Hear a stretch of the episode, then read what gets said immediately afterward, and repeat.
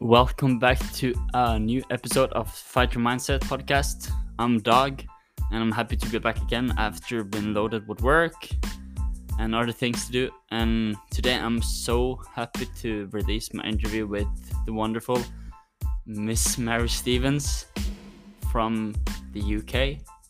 She runs a school called Athena Karate, the Athena School of Karate, and it's based in Oxfordshire in the UK. She's teaching Wado-ryu Karate and she's a member of the British Combat Karate Association. The one the one of the most wonderful things she's doing is teaching women how to protect themselves through martial arts and karate, especially in Zimbabwe and one of the toughest places she's doing it is in Varanasi in India it's one of the most dangerous places for women to live in. She's doing that work through an NGO called Fair Fight, based from the Netherlands. You can check it out at fairfight.nl. I will put the links to this work that she's doing and check her out there and reach out to her on Facebook. And she, I gotta say, she's a wonderful woman who's empowering women, young women, who doesn't have any other ways to protect themselves by teaching them karate. Check it out. I hope you enjoyed the episode and thank you for support supporting my work. Enjoy. Welcome, Mary Stevens. Thank you very much for having me. I'm happy that we could get back to the interview and try to complete it without any technical disturb disturbing factors like bad internet. so I heard about you through Joe Saunders podcast, Managing Violence podcast. We talked about your background from martial arts, your training in martial arts, and how you ended up teaching girls and women self defense in India, among places. Yeah. Um, uh, so I started martial arts. I've always um, been fascinated by martial arts, but um, I started actually training in martial arts um, when my children were small. So um, my I took my son into martial arts when he was four, um, and that's when I also started training. That's a long, a long time ago. it is a long time ago. yes, my son is now 23. So, yeah. It's funny, isn't it? Because you need, particularly in the UK, most like really credible martial artists started training in the first wave of karate in like in the 70s when it was all like uh, you know getting beaten up and none of their joints work and and and, and all the rest of that. Um, but uh, i feel like i've now been training in martial arts uh, long enough um, to have uh, you know i'm i'm not one of the like most people my age because i'm nearly 50 most people my age did start around about then but uh, but at least i've now kind of gone well you know what? 20 years is quite a lot of time so um so, so that that kind of counts now right? Yeah, yeah it does. So you started, out with uh, karate? Yes um that's right. So started with karate. I, I i've always i've always loved the aesthetic of karate because it's very um it, it's very powerful but also quite graceful yeah. um and yes. yeah so so um i had done a little bit of um a taekwondo taster um in when i was school teaching so um i had um taken a class to um a sports like um a sports camp for a few days mm. and um in those few days we tried like so many sports, which was really, really fun. And I was like a really young teacher then. I was like only like 22 years old. So, um, and I was young and fit and ready for anything. And we were all encouraged to join in for the students. And the one sport that we did across all of the days was um, that I was like, wow, I really liked this was taekwondo because you know we got to we got to hit stuff um, and Yeah. kick really hard, so that was really good. So that kind of like planted a little seed, and then later on when I was looking for martial arts for my son, um, then uh, then karate seemed to be like a really good choice, um, um, it, particularly in our local area, and you know I really like the history and, and the traditions as well. Hmm, It's in- interesting. I actually met and trained with um, a couple of former students of uh, the late Sosai Mas Oyama. Oh wow! Yeah, Mm. so he had, he had two students. Well, one of them, uh, St- uh, Hanshi Steve Arneil, he passed away this year, I think, if I'm not mistaken. Yeah, he was like he was living in Japan. He was taking under uh, Mas Oyama the founder of Kyokushin Karate, his wings. The same I've had in I had a talk with um, the translator of Mas Oyama from Australia, Cameron Quinn.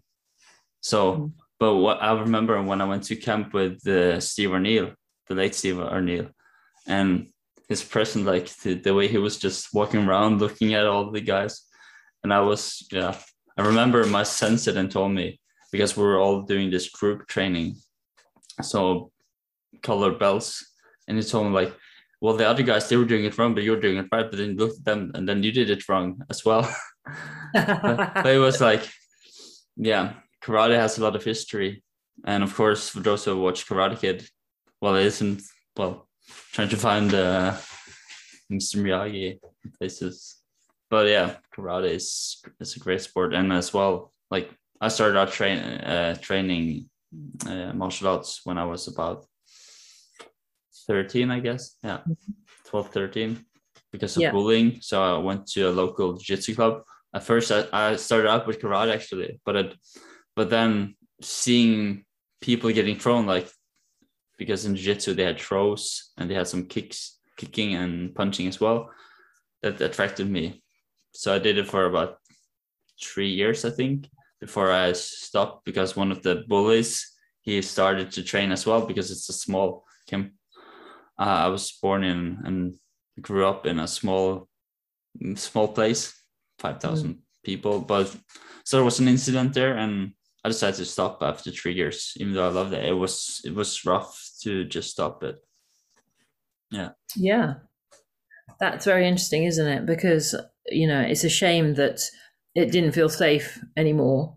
Yeah. Um, and from from an instructor point of view, obviously one of the main things that I do is try and make sure that the dojo is a good space for the kids there. But even then you, you can't always tell. There's there's so much kind of shame still in being bullied that the likelihood you still have to be so vigilant because children are more likely to pretend everything is okay. Uh-huh. And then you know it takes a lot for children to come forwards and trying to build a culture where they call out abuse and instead of feeling shamed by it um, is really important not just for at a playground level but in a life level. And like, we see so much abuse through the whole martial arts system and i'm sure other systems as well but the idea that um, uh, that abuse is built in. I was having a similar conversation about this with um, Richard Dimitri the other day because he's been really um, proactive in calling out um, abuse and considering what is hard training and what is abusive training because it's a real line there. Yes. Yeah. And unfortunately, there are too many dojos where uh, bullies can thrive. yeah. So yeah, it's still. yeah. I mean, sorry that it was a problem when you were a teenager, but I think it's still a problem now. it is and for those who aren't willing to speak up for those who because of trauma as um as uh, richard dimitri and pamela armitage who i'm lucky to grow a connection to grow a connection with and been Mm. having on my podcast. They're talking a lot about trauma and, and for those who aren't aware of tr- trauma and if they're they can produce trauma they can even produce greater tr- trouble among the students who are traumatized because they're they're coming to learn to teach they're coming to learn to defend themselves self-defense and then they get up bullied being bullied by the instructors and i've i've also seen some dojos unfortunately where you have this attitude well this it's a, it's not an attitude, but it's uh it's a huge problem when it comes because it's yeah. It is a huge problem, and it shows itself in lots of different ways. Because sometimes you get that real um, fascination with and glorification of violence, Yeah. um, that, uh, and you get lots and lots of in the self defense world. You get some guys that are just like huge and strong and they spend all of their time working tactical combative stuff that you know if they have an answer for everything and they spend all of their time in their brain in that very hyper vigilant state um, where you know everybody around them is an enemy and they're figuring out a plan for defeating them with everything around them all the time which is no way to live um, and also for somebody like that of that kind of um, build and training nobody you know they're never going to need self-defense they may end up fighting people because they're or because of their aggressive body language Yeah. but that is 100% de-escalatable you know that's social violence for sure so Yes. so much social um, so much self-defense is based in that world around big strong guys that will never need it. And none is inclusive of you know um, vulnerable people um, the old the unfit um, you know obviously predominant women is a is a big thing for me because um because that's a field that I work in. But you know it's also true that the, the the people that are most likely to to need self-defense are not the people that are teaching it or feeling comfortable in that vir- environment where they can go and learn it. Hmm. so yeah it's a, it's a i think it is a significant problem but it is one that we're more aware of now. And i think uh, you're absolutely right. One of the foundations of that is trauma informed teaching um, and creating for everybody um, inclusive training environments. So not just people with identified trauma, but people who have, um, because as we know, trauma affects people in lots of different ways, and a lot of people are carrying trauma that they're really not aware of. Yeah. And so, but it just should be a basis of in the dojo. This is how we manage inclusive practice, Mm. um, and that should be the foundation, not the exception. Yeah, true. Definitely. And I remember myself when I started, well, I got into this Krav Maga class and trying to find myself, trying to find my identity. And at one point I was hyper, what's it called, hyper vigilant. And I was Mhm. like, is there in trouble? Is somebody out to get me? And I had this like, somebody's out to get me. But I, that was based on a lot of things as well. But once I sorted out there was some psychological things well as well but once i sorted that out then i came to the other side. I see i could see well as long as i'm confident in myself and i know okay if i have to, will uh, i've uh, I, came to the conclusion after years of bu- being bullied um saw, well in adult life i saw i don't need to to get back at the bullies because it, Yeah. as long as I can protect myself and I can teach others how they can become well, empower them, how they can be more confident, teach them some principles based on martial arts. So that's what I'm working on now. Um, when it comes to I'm creating my own anti, well, I'm creating an anti-bullying program called Warrior Heart, and I have well the reason I do this is because I didn't have anything like that. And now, of course, since I've been through it and I've learned more about just trauma and informed self defense, and plus I have my daughter, she's growing up, and I have her in mind. That's why I, so I'm trying to teach her as well. It's well, it's more about speaking up. The whole idea of it is about speaking up and well, here's my limits. This these are my boundaries. Yeah. I think that's so so important. Contra, like instead of um, punching somebody in the face, like sh- instead of striking first, uh, Cobra Kai uh, mentality. Yeah, No mercy. yeah, no mercy, mercy for the weak. oh my god. Yeah. I think you're, you're right, and that understanding your boundaries is really key. Um, I have a um, w- one of the other projects that I have is um, in collaboration with um, uh, another instructor is we teach teenage self protection, Mm. and um, that's a lot to do. So I, I've studied hard with Jamie Clubb, who's a, a fantastic expert on child self protection, um, and wrote a book um, when parents aren't around, which is good for. Um, parents to read with children to understand, and a lot of that is on not only boundary setting but also um, reading situations. Yeah. Obviously, there's a lot out there um, now and today, which is great about for um, people to understand um, red flags, understand how to de-escalate, um, and to ensure that most of the students that we teach are focusing on their soft skills because. Yes. because the amount of violence that can be um, avoided before it's even started.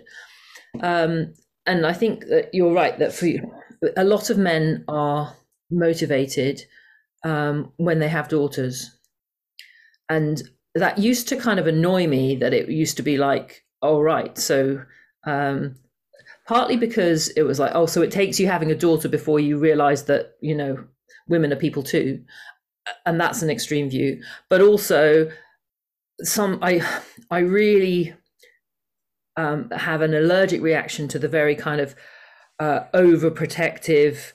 Um, my daughter's never allowed to have any boyfriends, or, or my my daughter's boyfriend needs to know that I'm a black belt and where I keep my shotgun, and all of this kind of bullshit. That I'm just Yeah. like, actually, you know, how about you empower your daughter to make her own decisions and to run her own life and support her in those decisions?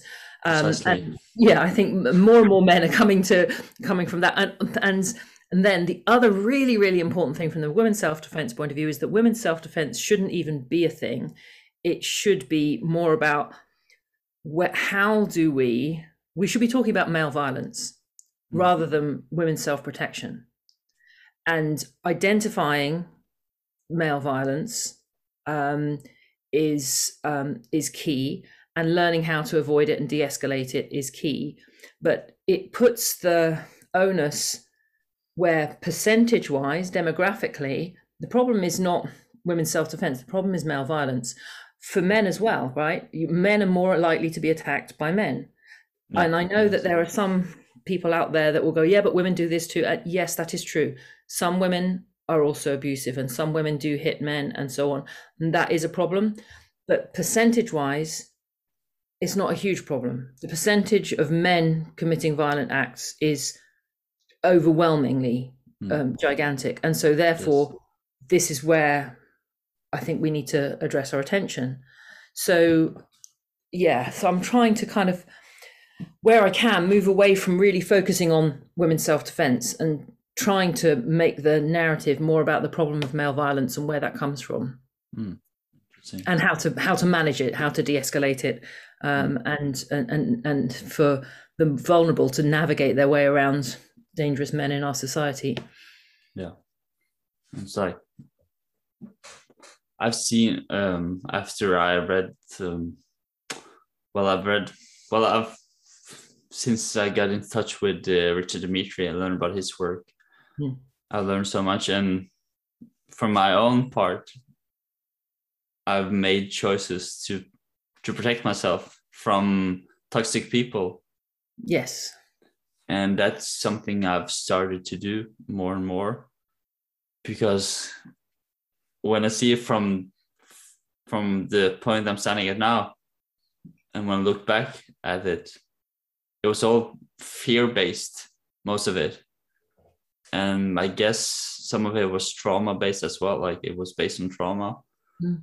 came out of trauma, and now I can see from a whole different point. And now I'm I can well about reading uh, people as well. So I've been working more on my soft skills, soft skills as well. perfect. Um, yeah, I mean, you were uh, in terms of reading people as well. It's good to like have it in the positive as well. That we're looking for green flags too. Of course, You of course, yeah, you know that there are there are people that are you know um considerate and respectful and uh, give people around them space and agency and that kind of thing. And you go okay um here here, here seems to be a, a, good person. And equipping your children with those skills is so important as well. As well um, yeah. listening to instinct um, and understanding then unpicking going a bit rory miller now but looking like understanding where the instincts are coming from and mm. looking at the kind of underlying psychology of that.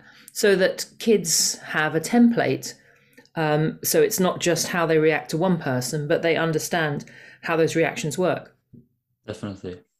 It's so important. And i remember i'm since i'm being this well in in okay i'll be personal like um in my daughter's mother's eyes like she doesn't want me to be the super dad but my from out my daughter she looks at me uh, as her superhero sort of or her yeah hero but that's that's uh, who i'm supposed to be and i'm teaching her skills okay if somebody is crossing your borders they are laying touching you in ways that you don't want them to just say stop so i'm teaching her the whole idea of saying stop and raising mm-hmm. her voice and empowering her, empowering empowering her with that because it's so important yeah. because that's i didn't have it when i grew up and well i can't well i i could always blame i can't blame my parents now well i could blame them but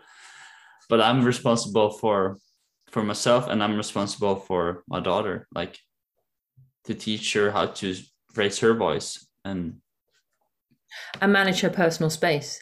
Yeah, it's lovely when yeah. I, I, with my little ones in my um, karate class when we all come to like sit down and talk. Um, then they all kind of they're, they're, kids, they're little kids, so they rush in and they want and then they want to sit close, but then they understand, then they kind of settle. And some of them will go no you can't sit there. That's sensei's personal space. And they they like understand uh, uh when we sort of have a very articulate about the concept of what is personal space and who gets to sit in your personal space and that kind of I love it. Lovely. Which is really cool because you know these kids like can be four or five years old but still be able to understand and and articulate that um so yeah it's it's yeah good. and my daughter she she's very um what's the word um she has a personality, definitely. Cool. And but she also has this like, well, um, like the only thing that I can be responsible for is how I teach my daughter how I empower um, empower her, and then there's a whole other story with her mom, but that's another. Maybe it shouldn't go for this podcast, but I'm just talking from, yeah. I think it's important to be um, transparent and I get, yeah. and I guess there's some others listening who are single dads. They have an issue with the mom, and but that's yeah. But still, the important, the essence of it is we have to. Well, me as a father, I have to mm-hmm. teach my daughter how she can protect herself when when I'm when I don't have the chance to beat her to protect her.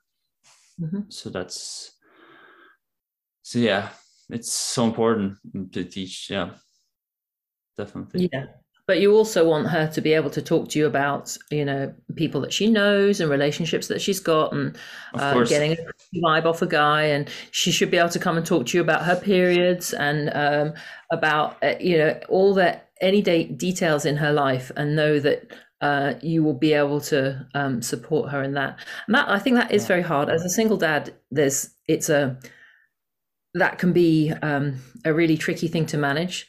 But I think you'll be bossing it. You got this for sure. Thank you. oh, oh, yeah. I remember I spoke with um, Melissa Soalt yes. later on, and I remember before we started the interview, she just saw through me, and yeah, she, hmm. uh, and I've learned so much from her as well, hmm. and and the whole well after I spoke with her, I have a, another idea of well, I have a whole new way of looking at women's self defense and how to teach. So that's yeah. something I'm working on as well. So that's interesting. Um, the work you're doing with Fair Fight. Could you talk? Well, I know you would love to talk about it, so it would be great to hear how you got into it and what your work, what you're working with. So it's kind of um, it's multidimensional. Um, in that it's both martial arts and self defense, um, which I consider to be two very distinct entities. Um, and on the one hand, so our um, Fair Fight works in Zimbabwe and in Zambia and in India, and also hopefully next year in South Africa, which is going to be really cool.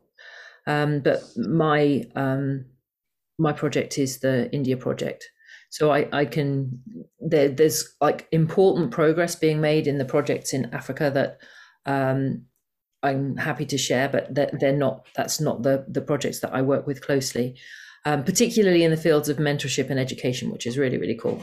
Um, what's going on there? Um, in India, we started with one small um, uh, group of of girls doing karate. Sorry, my cat just arrived, so if you hear extra noises in the background, it's not a baby crying; it's just my cat who's very tall.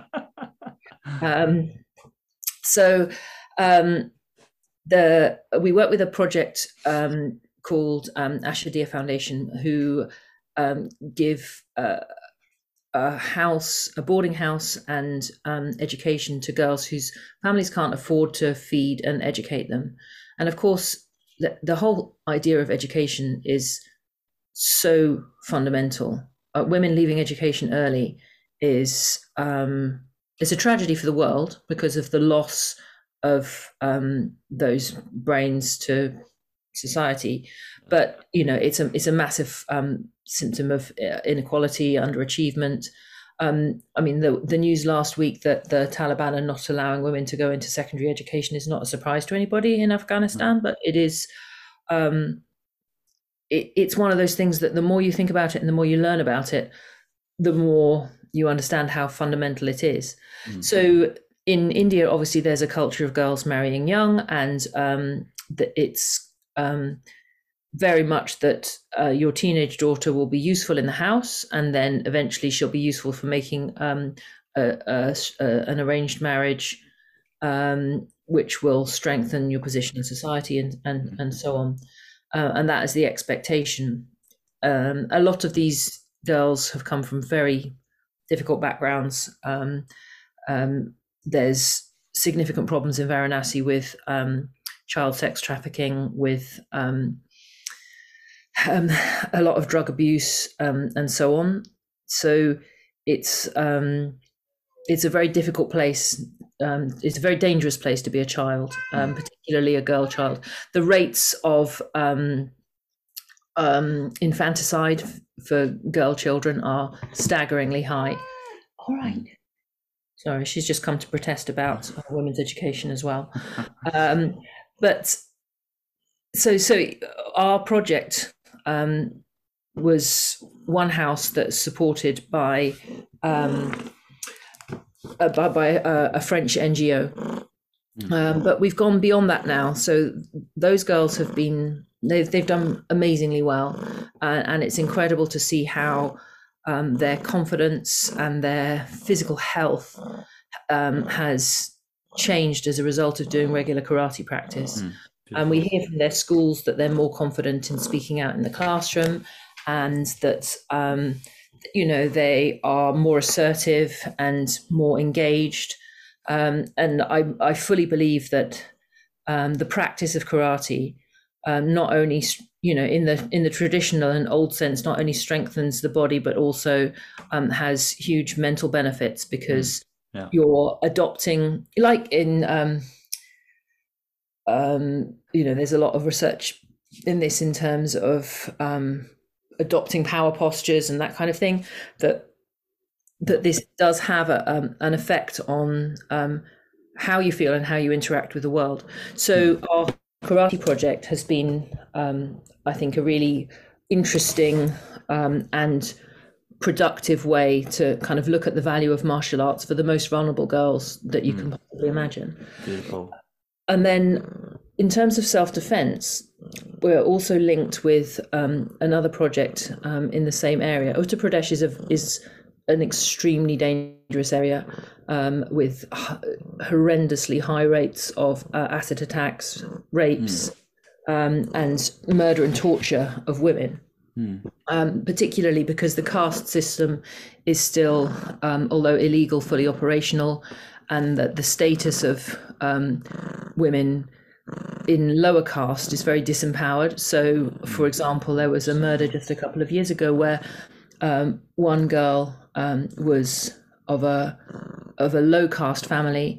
So even though she was being systematically um, stalked and harassed um, by a boy who wanted to um, uh, he wanted to marry her, but she was already engaged to somebody else, and it just was she there was nowhere for her to hide and despite the way that he behaved and was threatening um, the there was no way that the police were going to intervene because um, his family was much more powerful than her family. Oh, so and eventually he ab- ab- abducted um, raped and murdered her and there was and then you know ran away got away with it. So you know there's and there's just too much anyway so this is the the group that i work with um, in terms of pure self-defense are doing some amazing work. They are they travel around all the villages um, giving self-defense instruction. Cool. yeah, um, to to girls and women. Um, their experience is that um, something like 90 95% of the young women that they're dealing with have already been uh, sexually harassed and abused, um, which is unfortunately not a surprise, but they, um, yeah, so, so they're delivering really vital um, skills at the same time, they help women that have been um, that have been raped to seek justice. They they support. Um, they give employment to acid attack survivors um, because obviously it's very difficult for them to get jobs um, when their uh, whole faces have been like destroyed, um, and you know the health issues as well that go along with that. So. Um, so that then is not a martial arts project that's a self-defense project um, and i'm working with them on, on context specific soft skills um, and learning how to de-escalate um, in that um, in, in the indian environment which is different obviously um, because, of the, because of the differences in the culture. So Yeah. that's something that we do collaboratively because it's not for me to tell them how to manage things in their culture uh, but it's about collaboration and bringing what we know from the quite recent like research and development that's that's been going on in the world of self-defense. Bringing that for example like translating key points of the gift of fear. Yeah, I remember you spoke with Joe about it. It's, yeah exactly. That's that was uh, you know gift of fear is such an important text and it's not available in hindi. So um creating resources in hindi um and then you know working so people have been very kind. So um tommy joe moore um um i think you may be aware of him that he's the bartitsu and defendu Yeah. expert uh, he's got some great stuff on um, incidental weaponry. So he did a video for me um, for the girls, which was about using your mobile phone um, as an equalizer weapon. And uh, yeah, dubbing that into Hindi was quite a challenge, but we got there in the end. Uh, so it's easier now that I'm learning Hindi because then, like, trying to get uh, Hindi subtitles on something when you don't like, I'm sure you fully understand this because your English is really good, but but you know. Um, I, one of our fair fighters is Norwegian as well, so we we sometimes talk about, you know, Yeah. how- Uh, yeah, you, you mentioned, you told me. Yeah. Yeah. Yeah.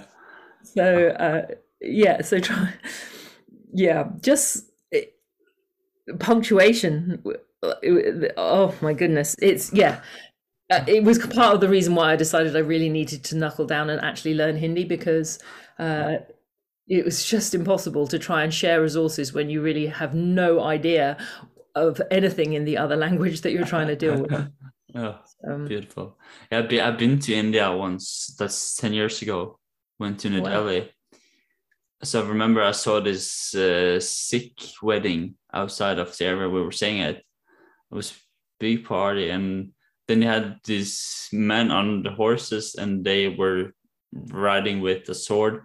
And I, I remember I saw some some disturbing uh, in ha- what do you call it, incidents. There was some a woman walking around. Maybe she was a beggar, and then or trying trying to steal to survive. And then you saw this big guy sitting on a horse. He was like the classical um punch to the face. Like this is how we're this is how we're teaching you to behave style. Yeah. And I was like, oh my god, this is. But that that was maybe that was just a small part uh, part of it, and um, Yeah. as you mentioned, you have the caste system, and yeah, acid attacks. But uh, And what's an acceptable level of violence in society is just a completely different. Um, so um, during the lockdown last year, I mean, over here there were some quite a lot of incidents where people were expected to wear masks and were refusing to wear masks, and obviously that was quite an emotive issue. Mm. But um, we have footage from um, from Uttar Pradesh where a guy was refusing to wear a mask, and the police officer put a nail through his hand literally just hammered a nail through his hand as punishment for not um, wearing a mask. You know, uh, it's like it's just a it's yeah. another level. It's just another level, and the whole you know issue in and around police is is very challenging in that environment because they're, I would say, selective protectors. Hmm. Um, yeah. and that really um, that really undermines you generally. Like one of the issues that we were having when I was planning the last project that had to be stopped, there was a lot of um, difficulty in in the area where there was a lot of anti-government protest, and one of the way that the government was dealing with that was just to um, disconnect all internet so that people couldn't WhatsApp each other. So in the there was a there was a the whole communications blackout, and I was just thinking if I had a team on the ground in that situation, and there were riots and there were people being you know like run over in crowds and that kind of thing, if I had a team on the ground and there was no access to any internet, how um how would I be able to manage the safety of my team? And the answer is I really couldn't. Um, and we're looking into you know um, satellite phones and that kind of thing just as a as a backup because if you cannot depend on the police in the area that you're in Hmm. uh, then you have to think about how you know you have to think about different ways that you would manage um, Yeah, in in that kind of situation of course. um, yeah.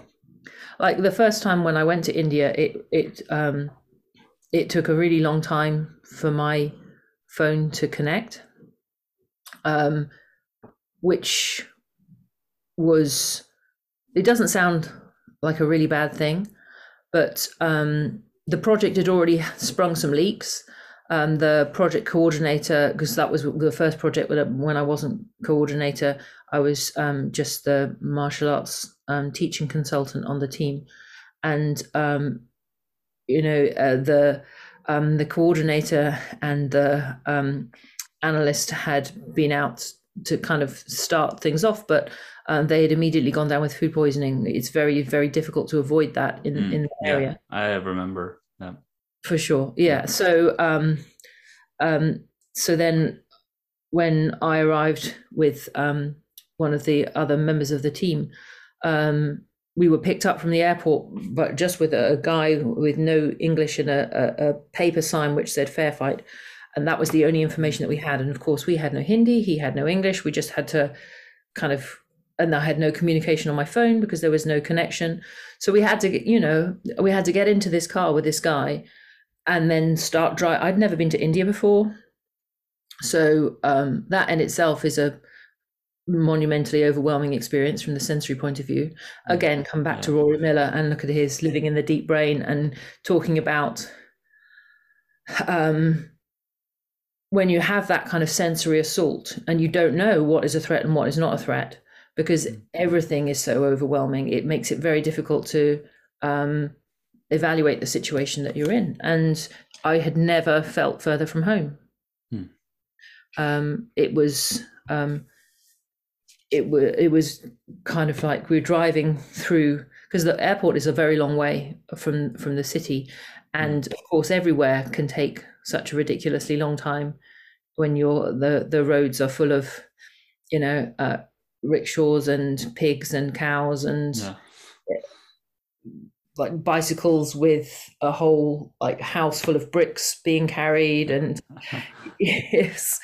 Um yeah, it's um, yeah can be it's a lack of communication can be terrifying un, under those um, circumstances. Yeah, definitely, yeah.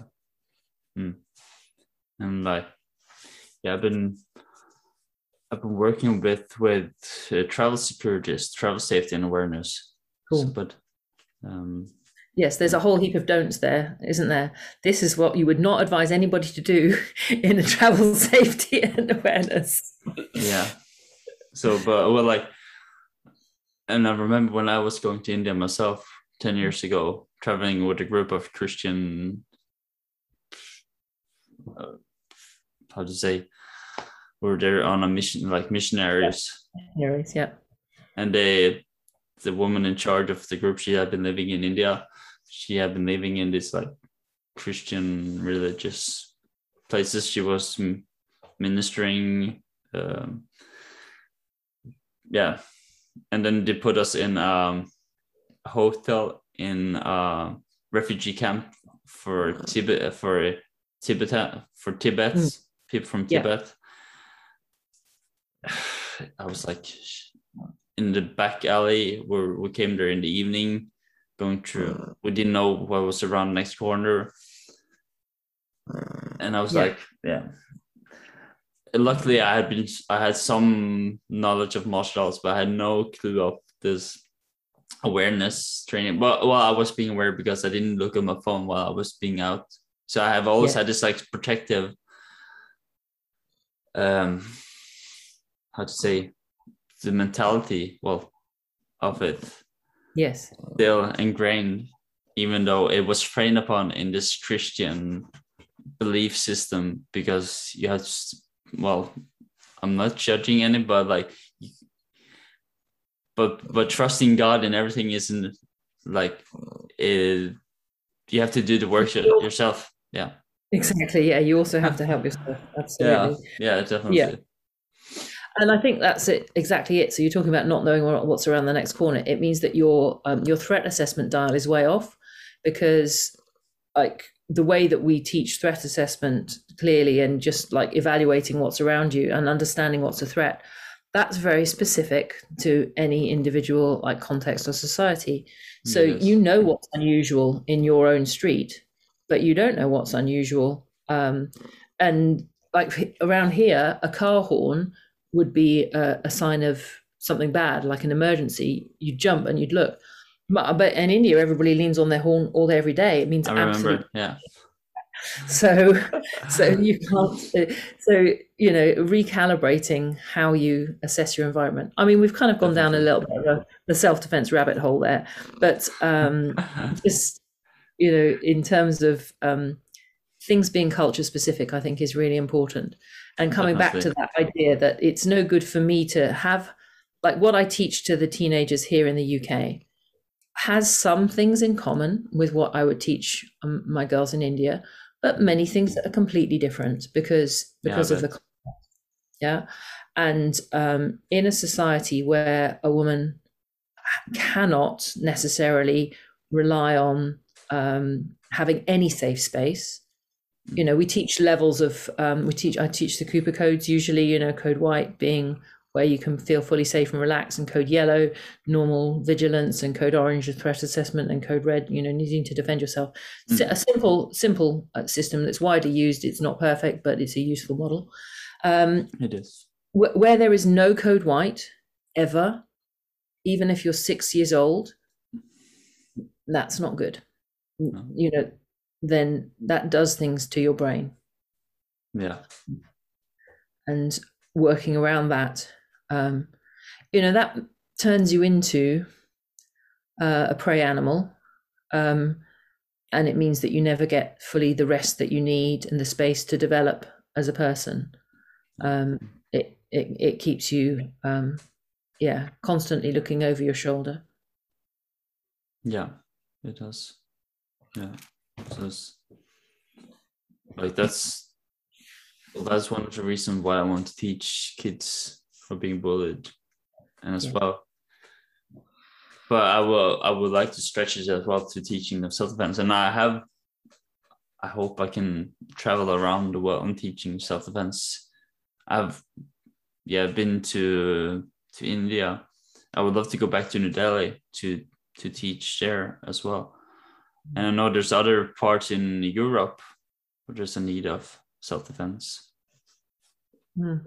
Yeah, especially, definitely. Yeah, but especially of course bullying. Since I was bullied myself, that's the reason, main reasons why I want to teach it, and teach yeah. well teach skills and principle to kids who are being bullied, how they can, yeah, get back. Well, take their life back, sort of speaking.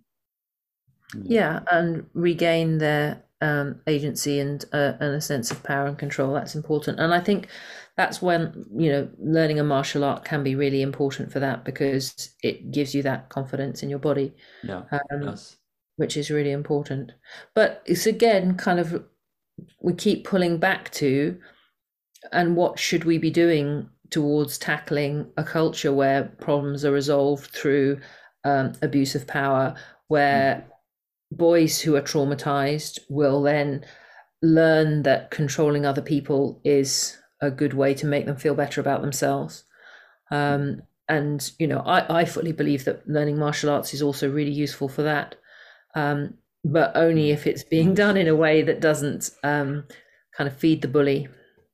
Yeah, true, and, true. And that's sometimes difficult to achieve uh, in an environment where you know the strongest will win uh, if if things are set up that way. Yeah, mm. it's so challenging. It's interesting, like to to hear your view on this with martial arts and self defense protection skills, those skills to protect themselves, and how we're using it to empower others in a whole other country and a whole. Well, for me, going to India, that was a whole.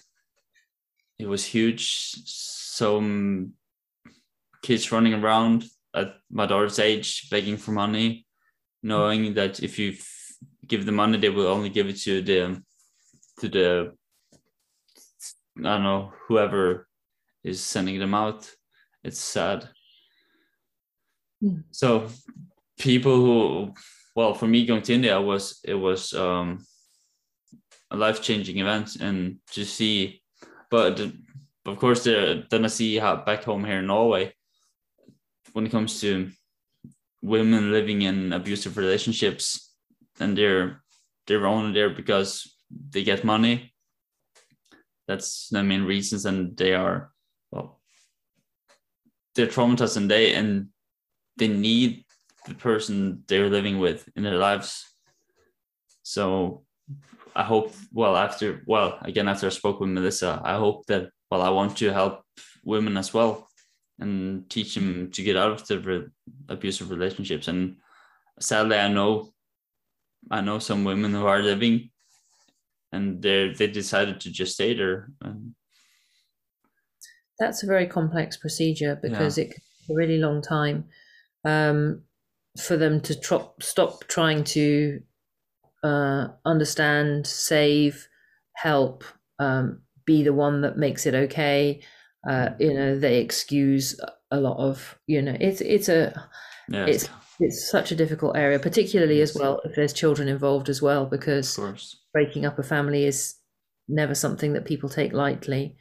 Um, and I think sometimes people lose patience with women who remain in abusive relationships because there's a real lack of understanding. They kind of go with whether why doesn't she just leave him, and they don't really mm. understand how very complicated and and intimidating that can be and also it's about admitting um, to yourself that that you've not managed to make that work even though you really believe that you could mm-hmm. um, and a lot of the time that women have spent the, you know in the nature of an abusive relationship is that you become quite estranged from your family and friends so when you are looking around for somewhere to run to, sometimes you've run out of choices.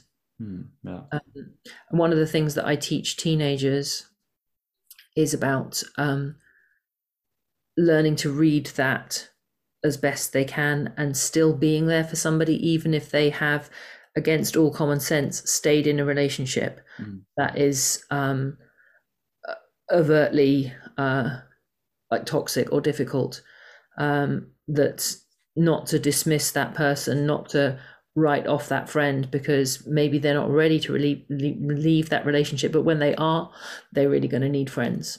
Definitely. It's so true. Yeah. And of course, then what's really difficult, at least in UK society, um, and we've talked about it. So Richard Dimitri is really good on this in terms of like developing an escape plan and looking at you know finances and all the kind of the logical things that somebody would need to do in their steps to exit an abusive relationship safely, because the chances of uh, retaliation, assault, mm. violence, murder are at their highest when a woman leaves a relationship, and she knows that instinctively, even if yeah. she doesn't actually know the data. Um, but um, in India, we don't have any of that. Mm. There is often literally nowhere to go. It's stay in the relationship or you will die because there will be no food. Uh, there's no um, social care. Uh, you will have nowhere to live. Your family will not take you back, or maybe you don't have family to go back to. Mm. And that is a very great, and, and this is a really heavy toll on the trainers that are doing that self defense work in and around those families and communities. Um, yeah, one of the things that we try and do is provide a layer of care and support for the instructors who are the recipients of these terrible stories, you know, where women are abused and raped inside their relationship and cannot leave um, because the alternatives are even worse. Hmm. Um, because there aren't, you know, a great range of um, hostels and uh, charities and uh, social services and a legal system that will support them if they report harassment and abuse. Um, and that can be when you cannot, the feeling impotent and not being able to provide people with solutions in a situation which is completely unjust. Um, that's some hefty stuff to have to deal with right there. And so for the young women who are trying to support other people in their community, on the one hand, it's good because they fully understand the circumstances. They've grown up in that environment and they understand that it's not a simple choice. You can't just leave him. Um, that just isn't an option. So, um, so at least they there is some kind of uh, acceptance that that the choices are not the same but it's um it, it does it it really um it really challenges them. And i feel like um protecting those people doing this work is such an important job for us at fair fight because uh because yeah. you can only burn out. You can only burn out when you're doing that. That's so much to carry. Yeah. Yeah it's it's heavy. Um, and as you say as you're mentioning those the ones who are meeting who are hearing their stories they need help and support and care and love as well because they're the ones it's easy for again it's like it's easy for us to to just think well look at ourselves but it's important to look to others as well yeah, absolutely. And um, again, working in a culture where it's not, um, it, it's it's not always um, considered normal and acceptable to to look for that support. Like with, um, I have such a lovely. So when we're working on Zoom, um, one of my friends in India helps with the translation, and uh, she's got a really positive relationship with the um, young women that has built up over time. So even though we've only, um, well, she has been down and visited the um, the cafe there, where the acid attack survivors work as well, which is really good. Mm. Um, but trying to build a culture of like having a check in. So you go, um, are you all right? How has your teaching been going? Is there anything that you would like to share about it? And mostly they were like, no, no, no, fine, fine. Yeah, it's all good. Fine, fine, fine, fine. Um, mm and then you kind of go okay and you sort of try have to make space for it to go and they go oh, well, actually, there was this one thing, and you go, okay, and then you'll get this like really moving story about you know um, an eight-year-old um, who has come to them with horrendous stories, or a, a, girl in an unhappy marriage who doesn't know how to get out of it, and uh, just yeah, they're used to carrying the stories themselves um, instead of going, actually, this is really hard. This is really hard to deal with this. Yeah. But yeah, they have my respect hugely. They're very um, highly motivated and they're battling, you know, sometimes it, what we do can seem overwhelming, but, you know, there is no way that we're managing to um, take anything out of toxic masculinity in an Indian culture because you know that patriarchy is so incredibly um, uh, it's tattooed deep into all aspects of society and i'm although there are a lot of people now moving against it and articulating it uh, that's not a change that's going to happen anytime soon no. so there has to be a degree of accepting what here would seem unacceptable. Hmm. And that that isn't necessarily easy either. Mary i've enjoyed talking with you and hearing what your passion what you're passionate about and the work you're doing for the girls in in india through fair fights well, thank you for giving me the opportunity because it's something I love to talk about and could talk about like all day. So when people ask me about it, I'm like, yeah, I'd love, I'd love to, to share this with you. Uh, and of course, it'd be great if people want to follow what we're doing and get involved. Um, our NGO is based in the Netherlands under mm. um, Dr. Dini um, Servan um, Miklos, and that's um, uh, um, uh, fairfight.nl is our website. So if anybody wants to have a look, and we're on, you know, Instagram and Facebook and places like that as well. I will make sure to put links in the show notes. Fantastic. Sure, because it's it's so important um, that work, and it's it's so important to do that work well to empower women and people all over the world. And of course, this they said it's like, well, you got to start in your own community. Of course, you have to do it, but at the same time, here in Norway, we're so fortunate. There aren't a many. Well, you have on some levels you have acid attacks, but not in in high degree. I haven't heard about it. Mm. But you have, of course, knife knife attacks. People are being you know, have well the women living in abusive relationships that's common all over the world but then you have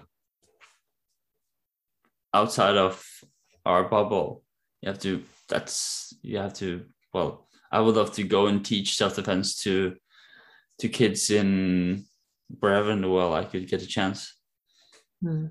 yeah uh, i definitely. would love to yeah because of course of course like at the same time keep in touch with with my community as well so it's yeah and and like like working with communities who've identified their own needs and then collaborating with them to support that.